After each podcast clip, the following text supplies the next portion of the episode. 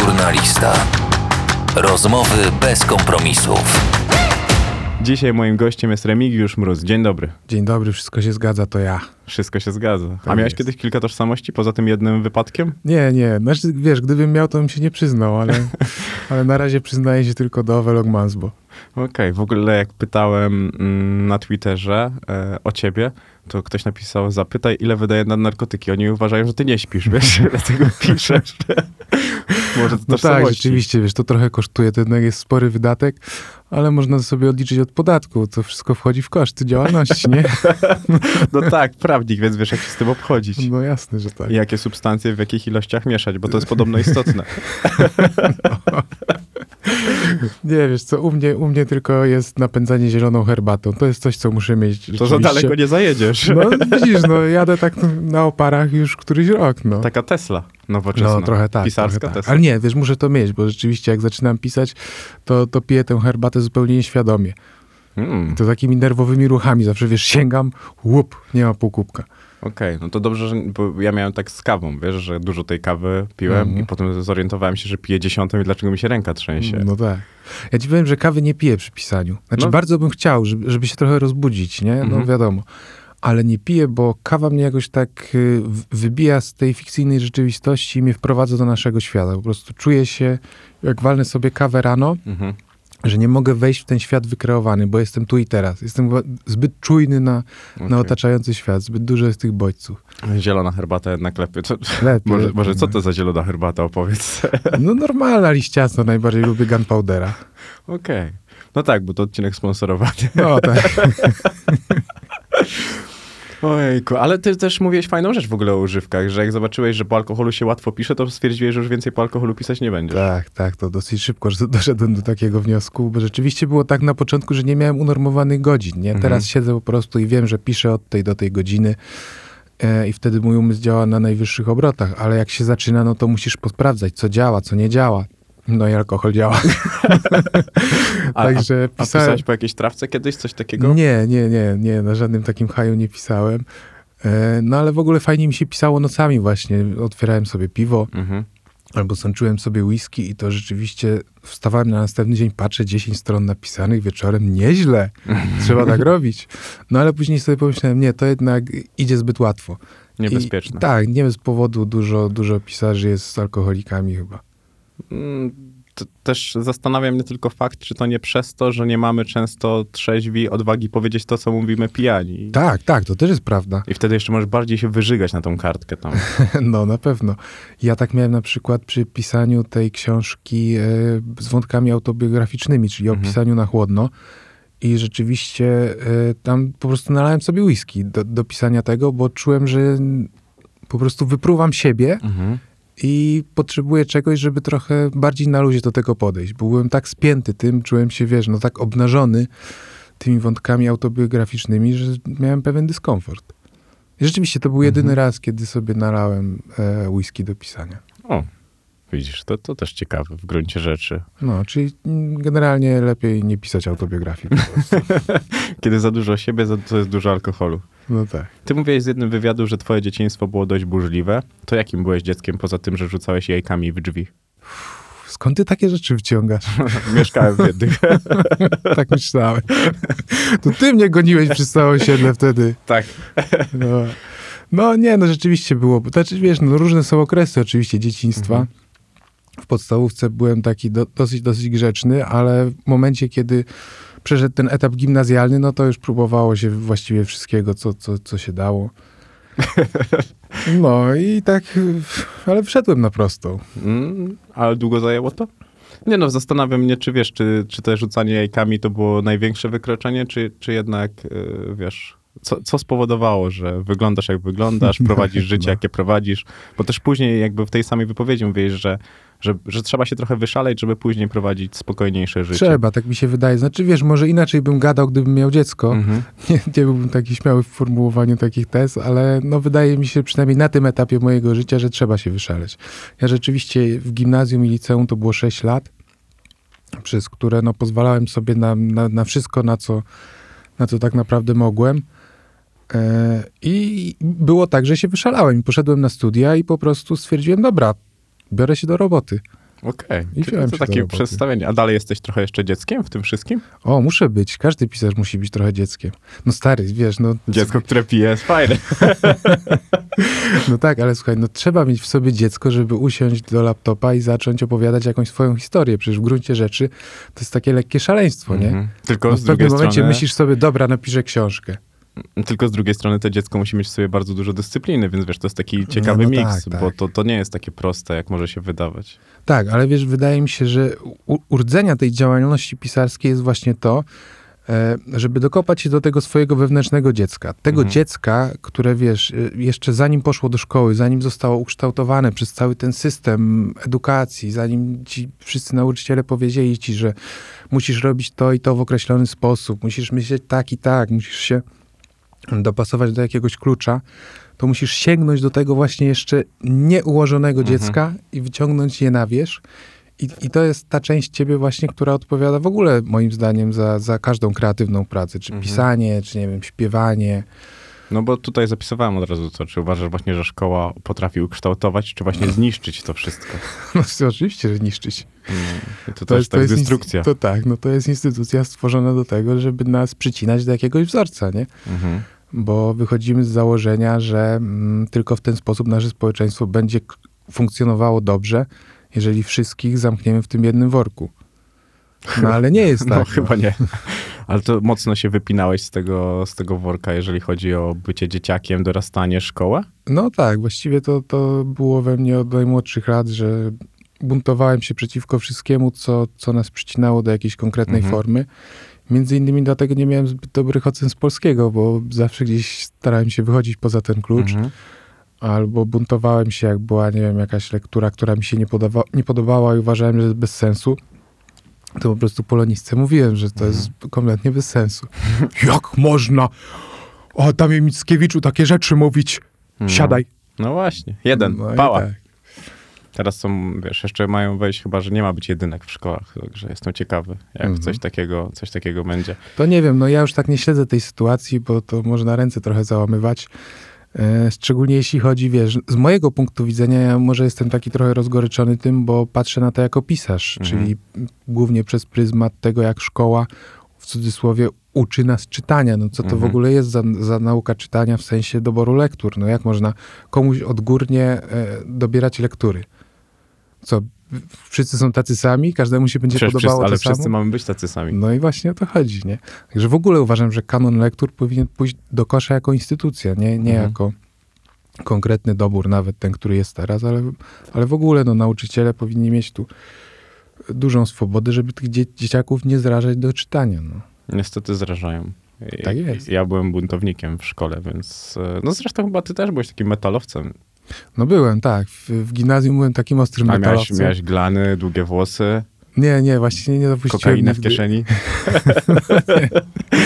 Nie, nie, nie, aż tak nie. Chciałem kiedyś zapuścić długie włosy, ale jak wiesz, zaczęły mi rosnąć, to popatrzyłem w lustro i stwierdziłem, o kurwa, nie, To nie to to. się nie uda. To nie to. Czyli ministrantem nie byłeś. Nie, chociaż w podstawówce też, też chciałem, ale jakoś mi się nie udało, bo jakoś świeżo po komunii, wiesz, miałem taką zajawkę jak większość dzieci, nie? Jest komunia, jest pompa. Niebezpieczne zajawki.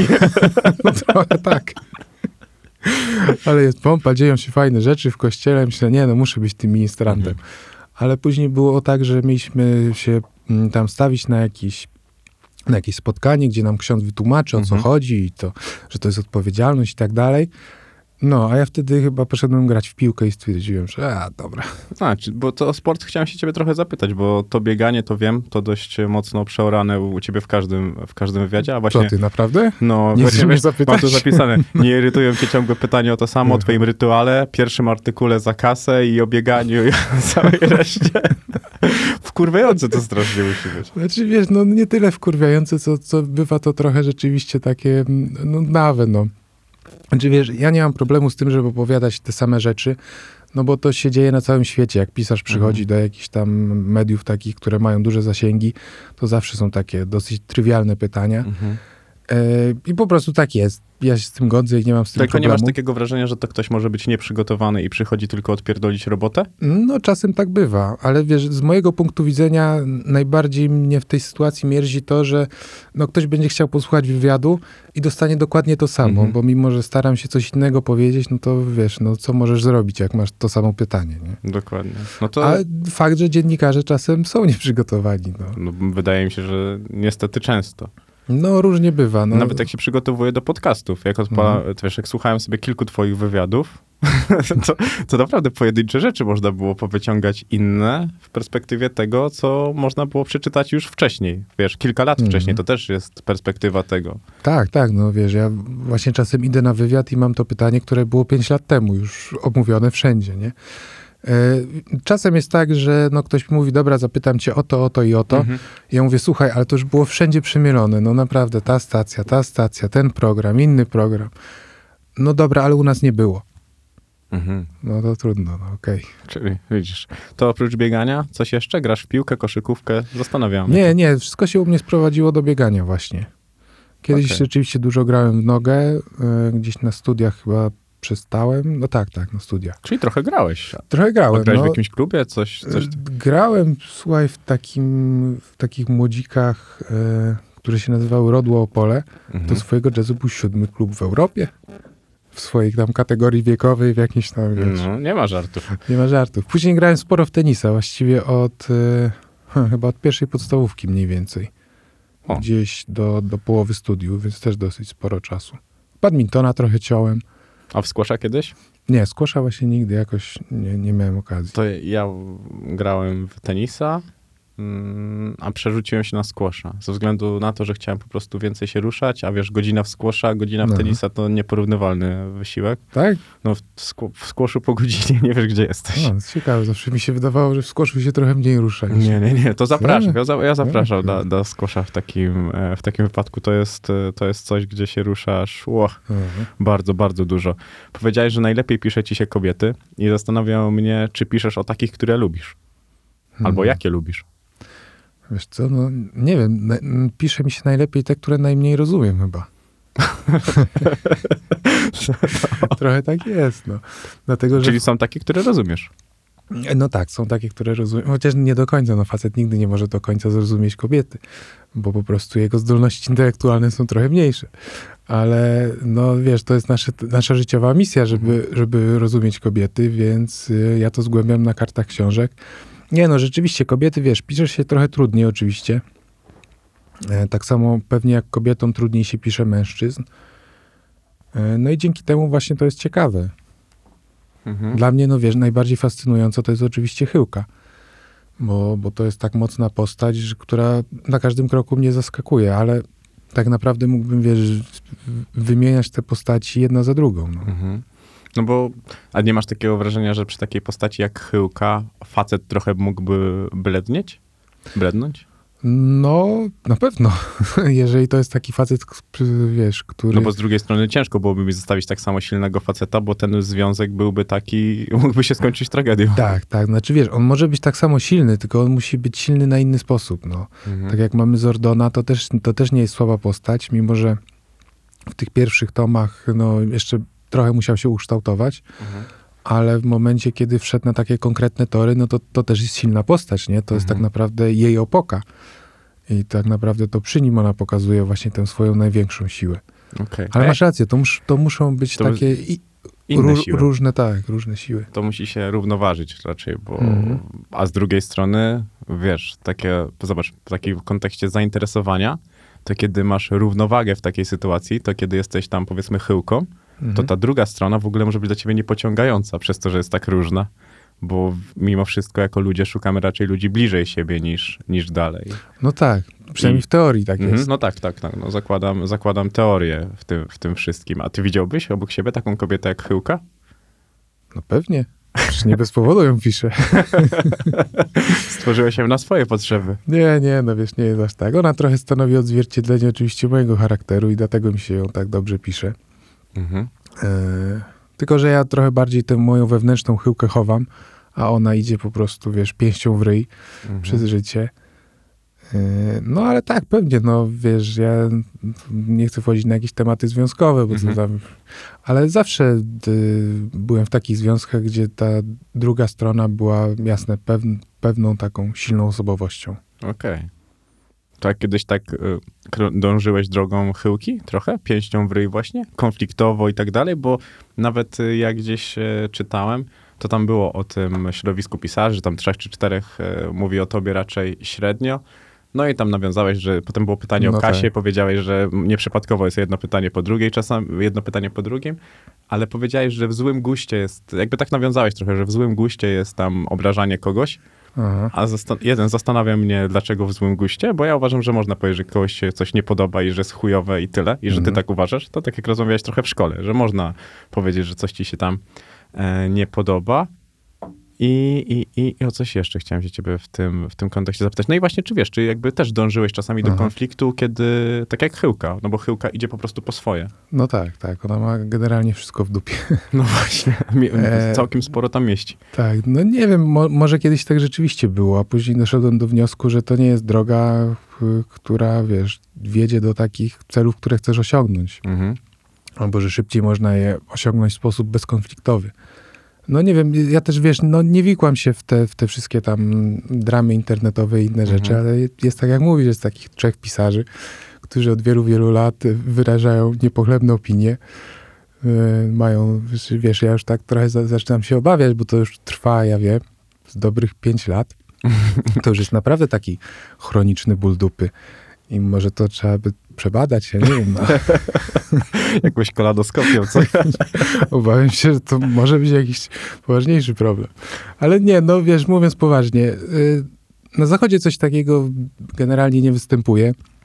W polskim środowisku filmowym na przykład też nie. Mhm. Nie ma takiej sytuacji, żeby jeden reżyser powiedział źle publicznie o drugim, Mhm. bo po prostu jest uważane to jako coś w złym guście. Mhm. E, No bo de facto jesteście konkurentami na jednym rynku. No, Więc ja to doskonale rozumiem. Więc jaka wiesz, może być twoja no. wiarygodność, jeżeli krytyk, jak tak jakby Pepsi krytykował Coca-Cola albo odwrotnie, nie? Mhm. No to wiadomo, że tu trudno Czekaj, się to, a ty dopatrywać Pepsi czy. Coca-Cola? No ja mogę być Pepsi. Nie no, bo ja, ja zastanawiałem się trochę, trochę nad tymi słowami, bo stwierdziłem, że właśnie można obiektywnie powiedzieć, że coś ci się nie podoba, bo to, to na pewno można, tylko właśnie ten ból dupy już później, żeby to się nie zamieniło w ból dupy. O, Mhm. nie, no bo wiesz, może się twoja jedna książka komuś nie spodobać, ale nie każda. No, tak no się tak, no przynajmniej to, to, wydaje. to, to jest w ogóle inna sprawa, że często właśnie po tej jednej książce się ocenia. No ale to tak musi być, bo tak jest świat skonstruowany, nie? Ja czasem, wiesz, jak widzę takie jakieś opinie nawet od osób, które w, no w ogóle nie czytają moich książek, Mhm. Yy, i, mają dosyć dużo do powiedzenia na ten temat, to też poniekąd to rozumiem, bo myślę sobie, gdybym ja był na ich miejscu i widziałbym gościa, który wydaje yy, kilka książek rocznie, to też moją pierwszą myślą byłoby, nie, no to, to nie może być dobre. Więc, Mm, to- więc to na, ty, na tym poziomie to rozumiem i dlatego chyba nigdy mnie to w jakiś sposób nie bulwersowało. no. Mhm. Ale szybko dochodziłeś do tego, że nie dasz rady zadowolić każdego? Bo to jest chyba taki, taka pułapka każdego, kto zaczyna coś robić. Że myślisz, myślisz o tym, co ludzie myślą. Mhm. Tak, ja w ogóle zaczynałem pisanie z tą myślą właśnie, że mm, jeszcze się taki nie urodził, który każdemu by dogodził, nie? E, I od początku sobie próbowałem to wbić do głowy, mm, żeby nie było potem takiej sytuacji, że właśnie widzę jakąś krytyczną Mhm. ocenę i, i biorę to jako opinię ogółu. Mhm. Bo wiadomo, no, nasz, nasza natura jest skonstruowana w ten sposób, że właśnie tak odbieramy.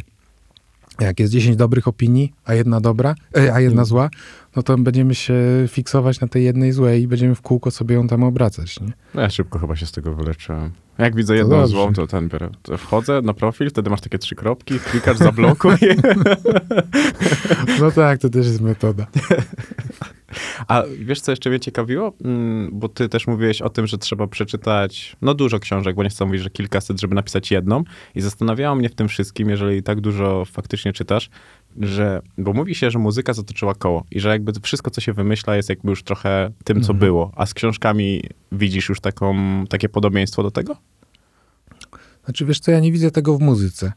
Znaczy wiem, że no, są tam pewne rzeczy, które się powtarzają i zresztą na YouTubie można sobie znaleźć Tak, Że to są takie, no. Składanki tych tam, nie wiem, 50 kawałków i wszystkie są takie same rzeczywiście, ale e, no to jest trochę tak jak z pizzą, no. Nigdy nie zjesz takiej samej pizzy wszędzie, no. Mhm. Pojedziesz do, do Neapolu, pójdziesz do jakiejś pizzerii tej innej, zjesz zupełnie inną pizzę, a, a wszystko jest tak samo. Składniki są identyczne, no. Już nikt na świecie niczego nowego e, na pizzy nie położy, bo już, już każdy położył, co miał położyć, w tym ananasa. Dokładnie. No, to ale wiesz, zepsuli ale- tym ananasem pizzę, czy nie? E, Nie, nie, ja to nie, to nie jest dla mnie. Znaczy, nie, ja wy, jestem wyznawcą tutaj teorii makłowiczowskiej, Mhm. czyli że można położyć ananasa na pizzy, tylko to nie jest wtedy pizza, tylko placek z serem i ananasem. Nie znałem. Nie znałem tej teorii. A jak już jesteśmy przy muzyce, mm, to zwracasz uwagę na to, o czym słyszysz, co słyszysz? Jakby tą nową mowę też artystów? Podoba ci się to, czy raczej nie? Zwracam, no, jeśli chodzi ci o taki stricte lingwistyczny punkt Mhm. odbioru, no to tak, to jest dla mnie ciekawe, no bo zajmuję się zawodowo językiem, więc każde zmiany e, są dla mnie bardzo ciekawe, no i zresztą dla, dla samych artystów też, no mieliśmy teraz nowy album Fisza i kawałek OK Boomer, w Mhm. Fajnie. którym on się w ogóle dowiedział, co, co to jest boomer, nie? Mhm. No, więc ludzie pracujący ze słowem pewnie chcą być na bieżąco, tylko problem polega na tym, że to jest cholernie trudne. Dlatego, że język szybko się zmienia, szczególnie młodzieży, a my tak naprawdę nie mamy do niego wstępu żadnego. Znaczy, możemy się dobijać drzwiami i oknami, Mhm. ale i tak młodzież nie będzie przy nas mówiła tak, jak mówi między sobą. To jest chyba ten, wiesz, ten moment, w którym dowiadujesz się, że robisz się stary. Tak. Zdecydowanie. I czasami słyszę jakieś słowa i tak się zastanawiam, czy to jakby jakie takie słowo było w moim przełożeniu na to, co oni dzisiaj mówią. Że wydaje mi się, że ten nasz słownik był dużo bliżej naszych rodziców niż już ich, tych ludzi do naszego nawet, nie? Gdzie tam, Też odnoszę takie wrażenie, ale zastanawiam się, czy, czy to nie jest trochę złuda. No możliwe, co? Bo łatwo chyba, bo też to jest takie dziadowanie. Mój dziadek zawsze mówi, a za moich Mhm. czasów. No, I, no, wiesz, i, i, I to mnie zawsze zastanawia, czy ja nie, nie zaczynam gadać jak mój, jak mój dziadek w tym wszystkim, że ci Mhm. mówię, że ci młodzi ludzie popierdoleni, że robią takie, co takie rzeczy, a potem myślę sobie, gościu, co, to, co ja sam robiłem, wiesz. No, Tak. pewnie. Jak rapował Pezyt, że wszyscy są święci, gdy mówią o grzechach kogoś innego. No. I, i trochę, trochę racji w tym, w tym jest. Ale twoje marzenia ogólnie muszą patrzeć już poza granice Polski, co? Bo, No trochę tak, no rzeczywiście tak y, koncentrują się głównie na tej sferze międzynarodowej. No mamy trochę ruchu na szczęście na tym polu. Akurat, nie wiem, chyba wczoraj dostałem maila od mojej agentki, że już jest przygotowany cały ten pitch Mhm. chyłkowy dla wydawców w Wielkiej Brytanii. Mamy fajne tłumaczenie. Wreszcie, bo czekałem naprawdę latami na to, żeby ktoś dobrze przełożył mówiłeś o tym bardzo Chyłkę. dużo. Ja No. było zapisane, brak dobrych tłumaczy, a nie Tak. pisarzy. Tak, to był okropny znój. No słuchaj, wysłaliśmy najpierw książkę do takiego gościa, który przyszedł z rekomendacji. em, kurczę, nie pamiętam którego wydawnictwa, ale jednego z tych największych brytyjskich. Mhm. Oni go polecili. No więc my go zatrudniliśmy do przełożenia tej książki. Kasa, chodziło o kasację. Mhm. I to tłumaczenie było po prostu takie, jakbym czytał, nie wiem, instrukcję obsługi. No nic tam nie się działo, kompletnie, w ogóle się tego czytać nie dało. Mimo to wysłaliśmy, no i, i też były takie właśnie sygnały od Brytyjczyków, że no coś tu jest chyba nie w porządku, bo ta Mhm. książka sprzedała się y, w iluś tam setkach tysięcy egzemplarzy w Polsce, Mhm. a tu dostaliśmy coś, co praktycznie, no, no nie da się tego czytać. I rzeczywiście, Czyli instrukcja obsługi jest tak. Największy problem był z humorem. Mhm. To, to jest najciężej zrobić, przenieść na ten grunt innego języka. Nawet tak mówiłeś o tych sytuacjach takich kulturowych, że jest kilka Mhm. rzeczy, które nie są uniwersalne i to też wydaje mi się, że to jest często problem tego wszystkiego. Chociaż chyłka wydaje się uniwersalna tutaj pod tym kątem. No tak, je, jest trochę uniwersalna, wydaje mi się, ale ma też trochę nasze takie polskie zabarwienie, które dla nas jest przyjemne, no bo jest rodzime, a jednocześnie myślę, że nie odstraszy tego zagranicznego czytelnika. Mhm. Znaczy nie ma tam tyle egzotycznych rzeczy, żeby on sobie pomyślał, a nie, to w ogóle nie chcę o tym czytać. Ale pomyśl sobie, że gdyby ta książka y, była powiedzmy bardziej rosyjska, to moim zdaniem przez to y, rosyjsko jest wszystkie łat, łatwiej przyswoić dla ludzi z zagranicy. No, na pewno. I, a co jest ciekawe, no bo nie wiem, no dla mnie to wydaje się dość bliskie w gruncie rzeczy. No, w gruncie rzeczy tak, ale tak naprawdę to są, przynajmniej w świecie wydawniczym, zupełnie dwie inne rzeczywistości. Jeżeli Mhm. porównałbyś nasz rynek polski do rosyjskiego, to to jest kompletnie Dawid i Goliat. Okej. Oni mają takie nakłady, że nam się to w głowie nie mieści. Tyle też, wiesz, ale nie mają też porównywalnie więcej ludzi? No trochę mają, ale wiesz, tam odsetek czytelniczy jest dosyć duży. Okej. I to, to, to było dla mnie duże zaskoczenie właśnie, jak tam sprzedaliśmy prawa do Rosji Mhm. i wiesz, no tam z- biegu praktycznie były takie nakłady jak u nas, no już naprawdę poczytnych pisarzy. Okej. To ciekawe w takim Mhm. wypadku. Może wiesz, jak jedziesz tam z jednej miejscowości do drugiej, to nie masz co robić. To, tą No, książkę, no tak, ty lepiesz się tam książkę, jakoś- książkę, książkę szarpniesz. A sam jesteś fanem audiobooków? Jak już tak mówimy o różnej konsumpcji? No wiesz co, wolę czytać najbar- naj, najbardziej w papierze, Mhm. Bo jednak ten, ten fizyczny kontakt z książką i z opowieścią jest dla mnie ważny. Czytam czasem w e-booku, jakieś starsze książki głównie, których nie mogę znaleźć już na rynku. A Audiobooków głównie słucham w trasie. Mhm.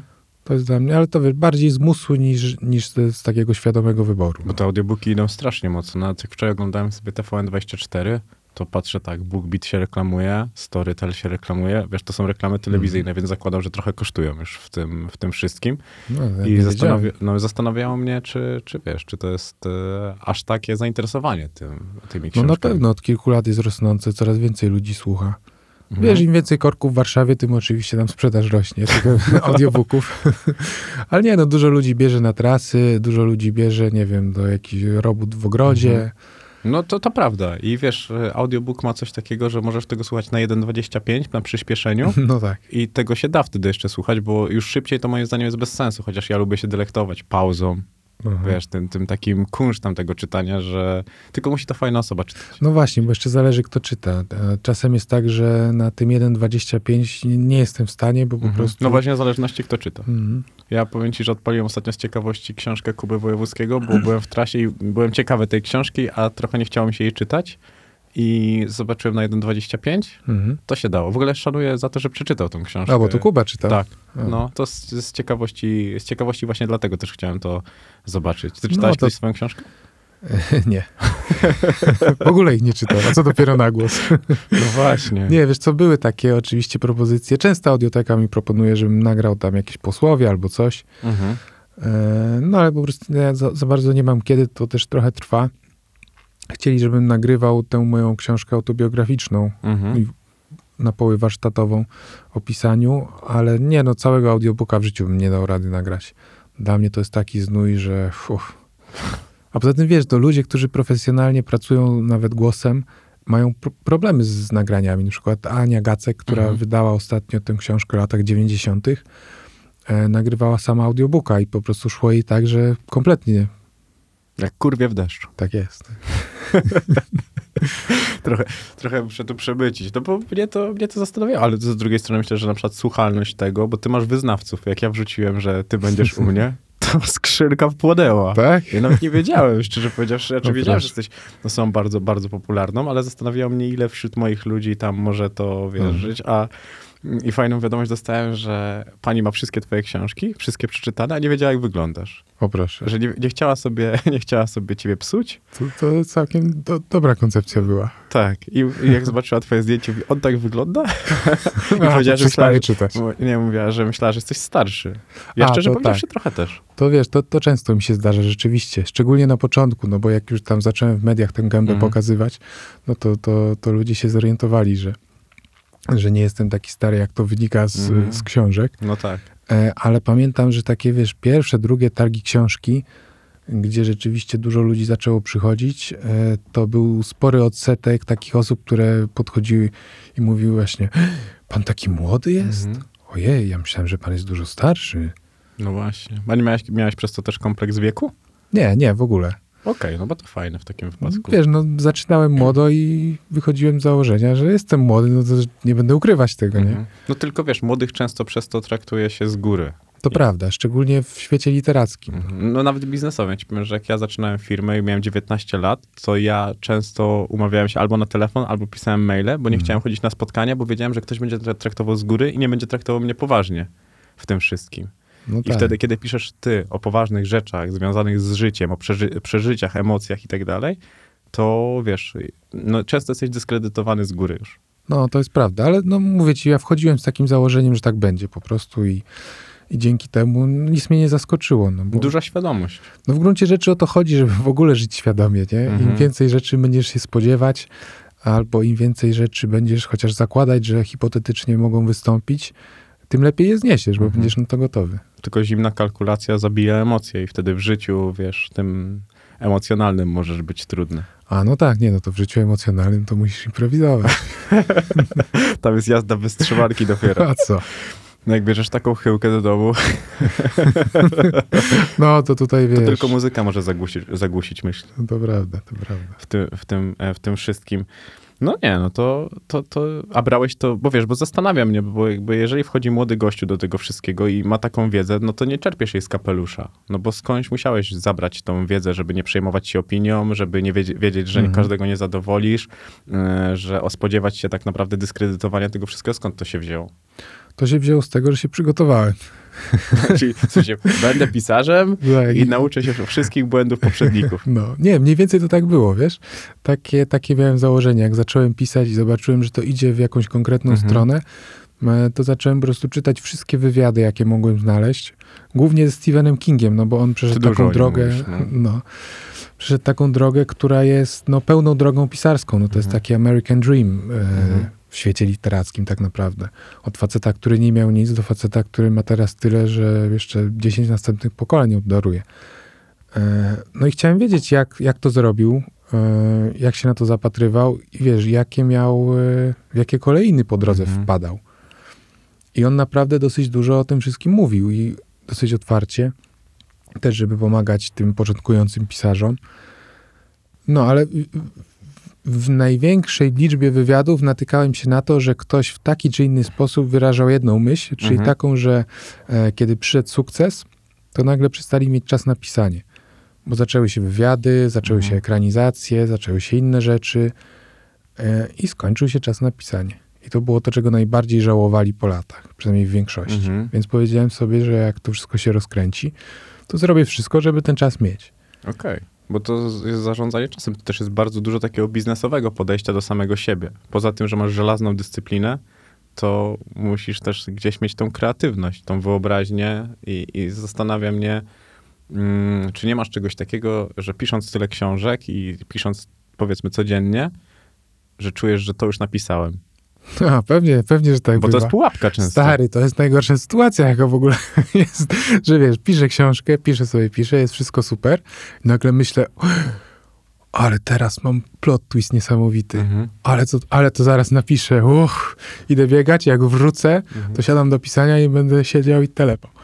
No i biegam sobie, biegam i tak wiesz, w pewnym momencie myślę, ty, kurwa, przecież to napisałem 10 książek temu.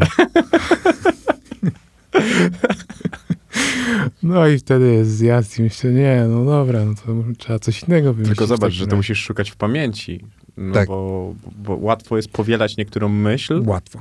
No.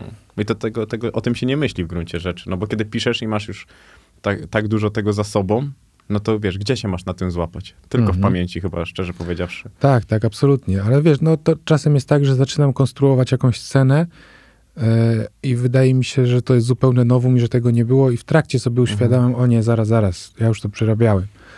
No więc cofam się trochę i, i, i to zmieniam.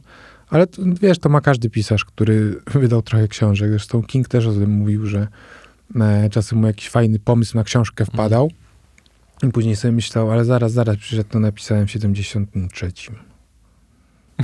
No, ja kiedyś też tak będę miał. No tak, na pewno. Mam, mam nadzieję, szczerze powiedziawszy, bo to, to rośnie imponująco.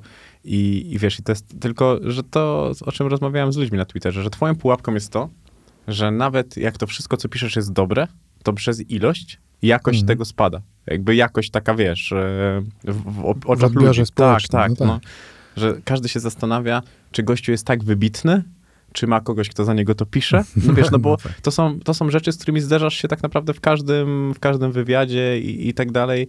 Jeżeli ktoś ma odwagę to zapytać, że to, to, to jest tak jednak, nie? Że nie zastanawiałeś się nad tym, że mógłbyś sobie to pisać, odkładać gdzieś tam Mhm. i, i trzymać na, dla następnych pokoleń. No czy, tak. czy, wiesz, bo to mnie zastanawia, nawet na, na taka forma promocji tego, że jeżeli masz do wypromowania siedem książek, Mhm.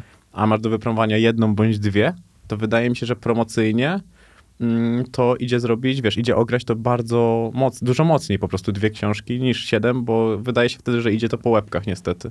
Absolutnie, masz 100% racji. Lepiej wydawać, nie wiem, dwie książki w roku ni- niż pięć pod względem Mhm. marketingowym i biznesowym. A biznesowo to Nie. już bym, nie wiem, to nie wiem. Marketingowo No na nie pewno. no tak trudno powiedzieć, nie? No To, to trzeba by sprawdzić, przestać trochę Kolejny pisać. cel.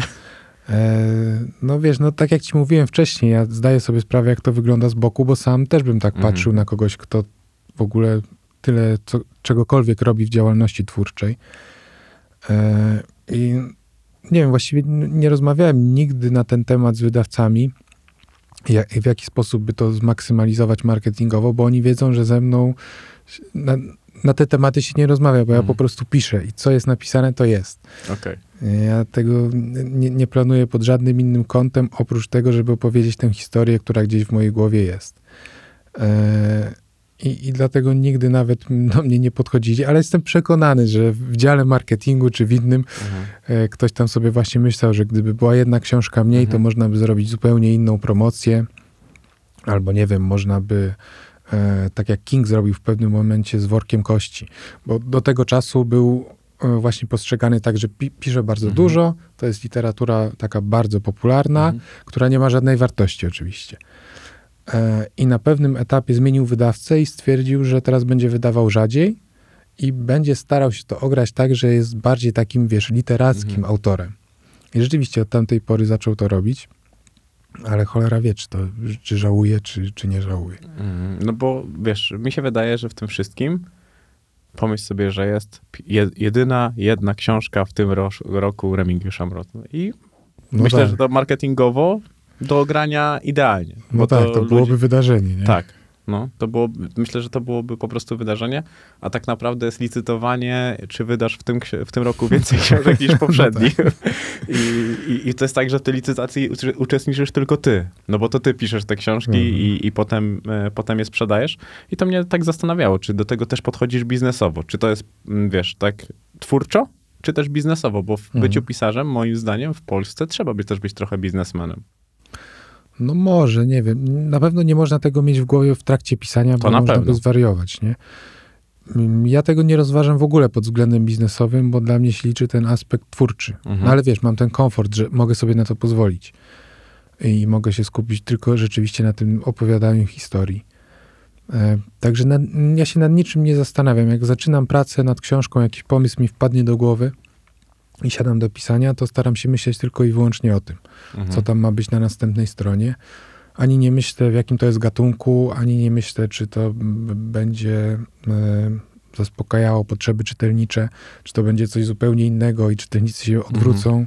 No nie, no to wiesz, jakby to jed, jedna książka w innym gatunku, myślę, że nigdy nie spowodowałaby mm, tego, że ktoś mógłby się od ciebie odwrócić, bo ty masz tak, tak bogate te portfolio i ludzie idą za tobą. Ja myślę, że ty sam wiesz, że twoje nazwisko sprzedaje, sprzedaje książkę często, a nie ma tak, że, że wiesz, jakby ludzie kupują to w ciemno. Często. No tak, to jest, to jest najmilsze, co może spotkać pisarza, nie? że Mhm. ktoś bierze w ciemno. Jak na przykład patrzę, jak się zaczyna przedsprzedaż, czyli jeszcze nie ma Mhm. żadnych recenzji w ogóle Mhm. i te książki lądują na, na pierwszych miejscach w e, topkach sprzedażowych, no to to wiesz, to za każdym razem to jest tak niesamowite uczucie, bo czujesz, że masz ten kredyt zaufania, że ileś ludzi po prostu, wiesz, wydało swoją ciężko zarobioną kasę na twoją książkę, która dzisiaj została zapowiedziana. Więc jeszcze nawet nie masz czasu, wiesz, przeczytać opisu tej Mhm. książki i już klik i zamawiasz. To, to jest fajne. A recenzje w Polsce piszą ludzie, których sam byś chciał przeczytać książkę? Bo to mnie zastanawia. Uśmiechasz się tak, wiesz. No jasne, pewnie, że tak. Macie go chwalić. Nie, no wiesz, to oczywiście ten świat krytyki literackiej rządzi się swoimi y, prawami i patrzy na nas, pisarzy popularnych, no tak, no, No bo wydaje mi się, że popularni mają ciężej. No ciężej, ale to też jest wpisane w definicję tego zawodu. Mhm. To zawsze tak jest. Dlatego ja się nie przejmuję tymi re- recenzjami e, tak zwanymi środowiskowymi, powiedzmy, Mhm. bo wiem, jakie one będą. Wiem, że tam nigdy Krzysztof Warga nie napisze na mój temat nic dobrego. Ojejku. Czas, To maść tam mu się by czasem- przydała. wiesz, czasem rzuci jakiś żart i tyle. To jest na, najwięcej, na co mogę liczyć. Więc się nie przejmuję. No, natomiast no, jak na przykład nie wiem, Szczepan Twardok wydaje książkę, no to na pewno ma pewną szansę na to, żeby, wiesz, topowi krytycy literaccy w Polsce e, go pochwalili, więc może nawet podświadomie gdzieś tam mm, czeka na takie rzeczy, on czy Kuba Żulczyk. Ale ja wiem, że i tak mam u nich przejebane, więc jest luz. Ale oni u ciebie chyba też. Nie, no wiesz, nie, nie mam powodu, żeby się zrzymać na coś, co, co tak naprawdę funkcjonuje od kiedy w ogóle książki zostały wymyślone. Czyli po prostu jesteś daleki od, od, od takich konfliktów. Bo to, to też, y, tylko zobacz, bo na przykład konflikt z tobą może budować pozycję kogoś. No bo jesteś gościem, który ma zasięgi. Tworzy... A, to na pewno, no to wiesz, nie bez powodu różni pisarze tam właśnie wyrażają się w niepochlebnych opiniach. Przecież tego nie robią po to, żeby po prostu wyrazić opinię, tylko po to, żeby była jakaś drama w internecie. Mhm. No teraz, tak jak nawet masz na tym na YouTubie, te kanały komentary mają się najlepiej, bo drama buduje zasięgi. No pewnie, oczywiście. No, wiesz, e, każdy twórca tak naprawdę właśnie obserwuje to, co się dzieje w internecie i to nie tylko w sferze książkowej, ale no nie wiem, jakiejś celebryckiej, czy Mhm. YouTube'owej, czy innej i wyciągają z tego wnioski, no. Czy wiesz, no ja też się nie dziwię, no jakoś trzeba się wybić na tym rynku, na którym codziennie się pojawia multum książek. No ale nie uważasz, że to jest chyba najgorszy sposób na wybicie się? No, tak to można ja- palec wybić, jak komuś no, w mordę strzelisz. No tak, to jest to prawda. No wiesz, ja bym tą drogą nie szedł, no ale potrafię sobie to jakoś racjonalizować w tym sensie, że rozumiem, jakie motywacje im przyświecają. No okej, czyli uważasz, znaczy, bo tak się da wyczytać między słowami, że uważasz, że motywacją jakby w tym wszystkim jest to, żeby trochę zebrać na siebie atencji z tego wszystkiego. No tak, no wiesz, no przecież tak to działa, no tak są skonstruowane media społecznościowe, że... mm, A to trochę, dla mnie to jest, to, sorry, że ci przerywam, dla mnie to jest trochę pojebane, że jakbym miał powiedzieć komuś, że coś robi słabego, albo nazywając rzeczy po imieniu chujowego i Mhm. miałbym to robić tylko po to, żeby mu, wiesz, żeby zainteresować jego odbiorców sobą. No, no nie, jest w tym pewien absurd, ale wiesz, no to działa na całym świecie, nie? Tak no tak, naprawdę. to jest tak. No nie jesteśmy jedynym rynkiem, który... Jasne, no ludzie się w ten sposób właśnie wybijają. No im więcej kontrowersji, im więcej, wiesz, temperatura tego dyskursu publicznego rośnie, no to tym większe są zasięgi Mhm. i tym, tym ciekawiej dla tego, kto to wszystko tam stara się e, rozdmuchać. No. Mhm.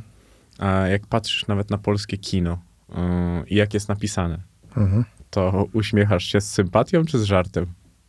Muszę odpowiadać na to pytanie. Czekaj, muszę jakoś oględnie z tego, wiesz, wybrnąć. Różnie bywa. Wszystko zależy. Zdania w doktrynie są podzielone. Okej, a jaki ostatnio film ci się w Polsce, polski film podobał? E, ostatni Boże Ciało, no to A, na, tak naprawdę myślałem, był, szczerze był, był świetnie napisany, był świetnie zagrany, świetnie zrealizowany. Od razu zobaczyłem, kto tam pisze te scenariusze, żeby sobie zapisać.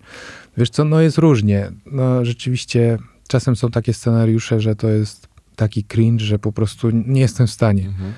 Widzę, że ci aktorzy też robią co mogą, ale mają kwestie dialogowe tak napisane, że nie mają za bardzo pola manewru. No ale zdarzają się też rzeczy dobrze napisane. No, nie No jest właśnie tak, dobrze, że... chciałem zapytać o dobrze napisane, a słabo zrealizowane. Czy pamiętasz coś takiego, co było dobrze napisane, a po prostu słabe już na tej innej warstwie? Nie, nie, wydaje mi się, że re realizacyjnie jesteśmy dosyć wysoko I, i idziemy coraz wyżej rzeczywiście. Zresztą wiesz, wszystko wydaje mi się zaczęło się e, od tego pierwszego Belfra, Mhm. którego napisał Kuba Żulczyk e, i zrealizował Palec, e, czyli Łukasz Pa- Palkowski. I to był taki przełom w, polskim, w polskich serialach i rzeczywiście od tamtej pory ta jakość idzie do góry. Później to się zatrzymało, nie wiem dlaczego, no ale później przyszła chyłka. I przykryła czapką. To jest. Nie no, wiesz, sukces tego serialu jest po prostu nieprawdopodobny. Nikt się tego nie spodziewał. To miał być w ogóle na początku serial taki typowy TVN-owski Mhm. e, i miał być na antenie głównej. Mhm. I w pewnym momencie ktoś z TVN-u do mnie zadzwonił. Panie Remigiuszu, jest taka sprawa. My będziemy rozkręcać e, taki serwis streamingowy, nasz własny. No i mamy taką propozycję, żeby Chyłkę właśnie zrealizować jako taki pierwszy oryginalny serial na tej naszej platformie. Co pan sądzi? Mhm. Ja mówię, że sądzę, że to jest idealny pomysł, bo ja sam jestem zwierzęciem streamingowym, a nie Mhm. telewizyjnym. No i wiesz, od tamtej pory dostaliśmy po prostu tyle e, pola manewru, jeśli chodzi o ten serial, e, że mogliśmy zrobić coś, co zupełnie wybiega poza portfolio TVN. Mhm. I oczywiście wszyscy w TVN się obawiali tego, co to będzie. E, I, I tak nawet do ostatniego sezonu byli pełni obaw. Mhm.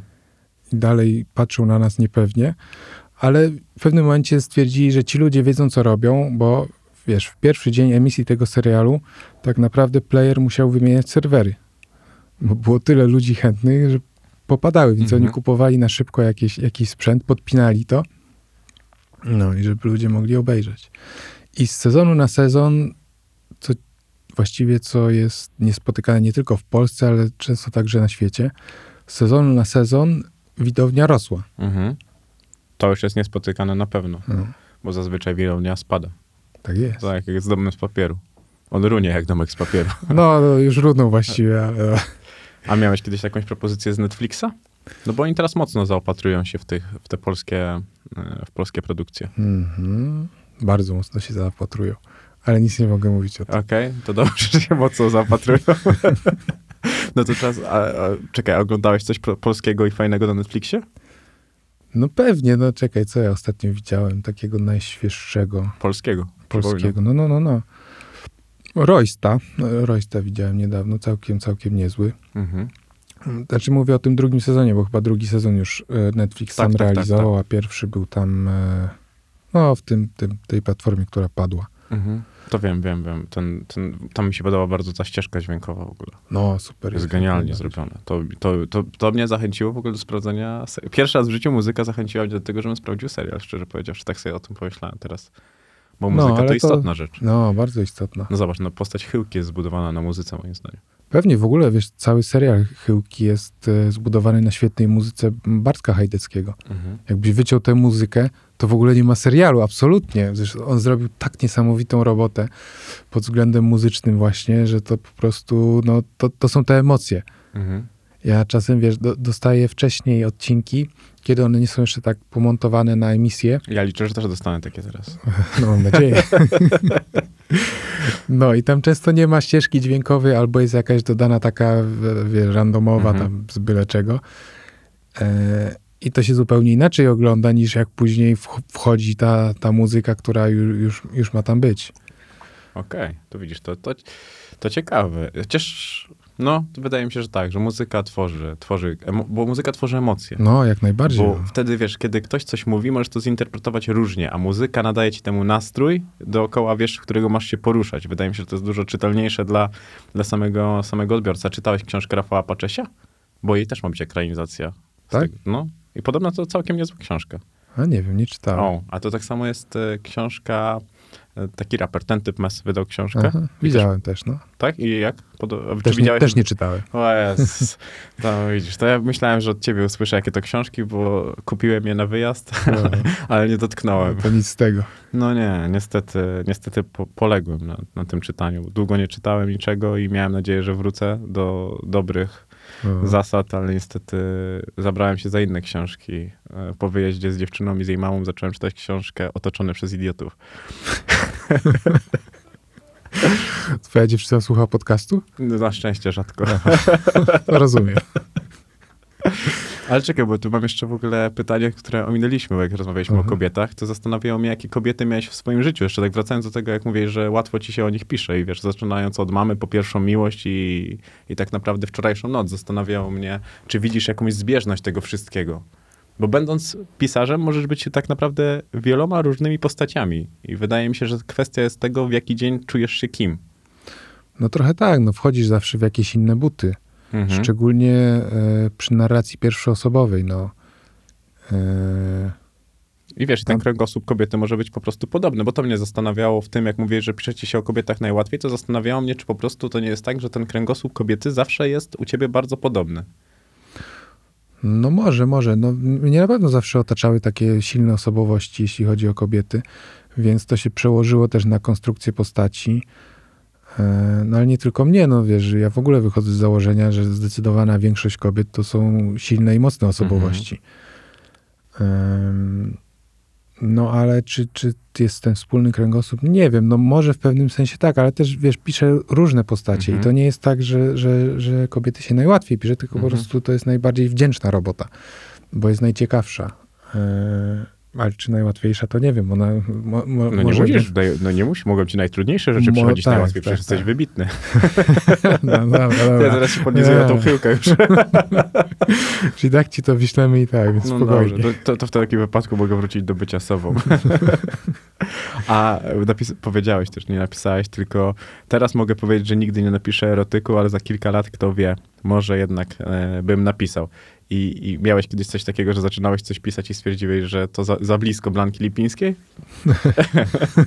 Tam może być kilka Wiesz co? chorób wenerycznych, uważaj. No, wiesz co, nie wiem, nie wiem, bo nie czytałem Blanki, więc trudno mi się w ogóle odnosić Żul, do, nie czytałeś, Żulczyka może czytałeś, ale nie czytałeś e, Paczesia, nie czytałeś Mesa, nie czytałeś Blanki. Co ty czytasz? Sama śmietanka literacka, ja tu nie wiem, co robię. No. Czekaj, tutaj zaraz postawię obok Miłoszewskiego. Nie no, słuchaj, Blanki nie czytałem, bo po prostu no, to nie jest mój typ literatury. Oczywiście no tam słyszałem różne rzeczy od y, jakichś, nie wiem, redaktorów czy, czy innych ludzi, ale ja nie oceniam niczego na, na gruncie tego, co ktoś inny mi Mhm. mówi. No. Żeby to ocenić, to musiałbym sam się z tym zapoznać. Także nie wiem, czy się do niej zbliżam w, w, jakiej, w jakiejkolwiek materii. Jest teraz e, solo, więc Tak? Mhm. No, no jakbyś zało- założył Tindera, to może się tam zbliżysz. Nie, no to muszę się poważnie nad tym zastanowić. To jest poważna Ale nie, propozycja. Nie Jak no, to od słuchaj, Netflixa. sceny...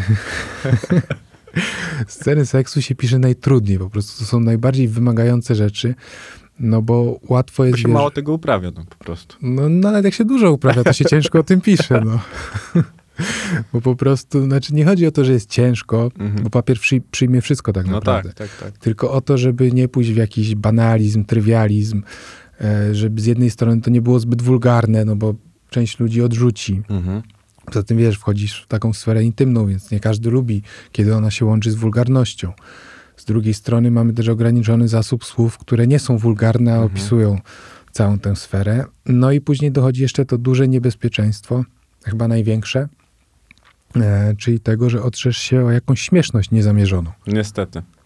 No. Bo to jest chyba największa pułapka tego wszystkiego. No tak, no jak przeczytam Blankę, to stwierdzę na pewno, ale, ale wydaje mi się, że tak, tu się najłatwiej poślizgnąć.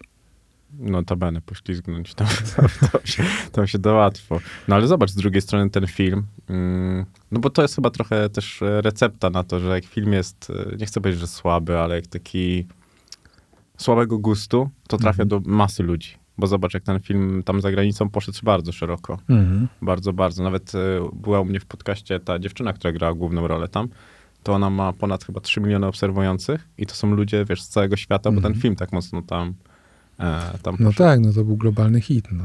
E, hit to jest słowo do dyskusji, ale dużo ludzi to, dużo ludzi to widziało i mogło to, mogło to ocenić, ale z drugiej strony niewątpliwy sukces tego wszystkiego jest. No, no pewnie, słuchaj, gadać. no to, to w ogóle był pewien fenomen. No tutaj w Polsce też pobili przecież jakieś rekordy, e, Na jeśli chodzi o sprzedaż chyba, biletów, ale później jak to wleciało na Netflixa, no to w ogóle już poszło na cały świat, tak jak mówisz. To niesamowite. No, no ale takie rzeczy się sprzedają, to też nie od dzisiaj wiadomo. Słuchaj, nie wiem, mnie, mnie to właściwie trochę dziwi, no już y, tak naprawdę jeśli chodzi o temat seksu, przerobiliśmy wszystko, no już naprawdę nie, niewiele można pokazać. Ale pornografia O też się dobrze kulturze. trzyma.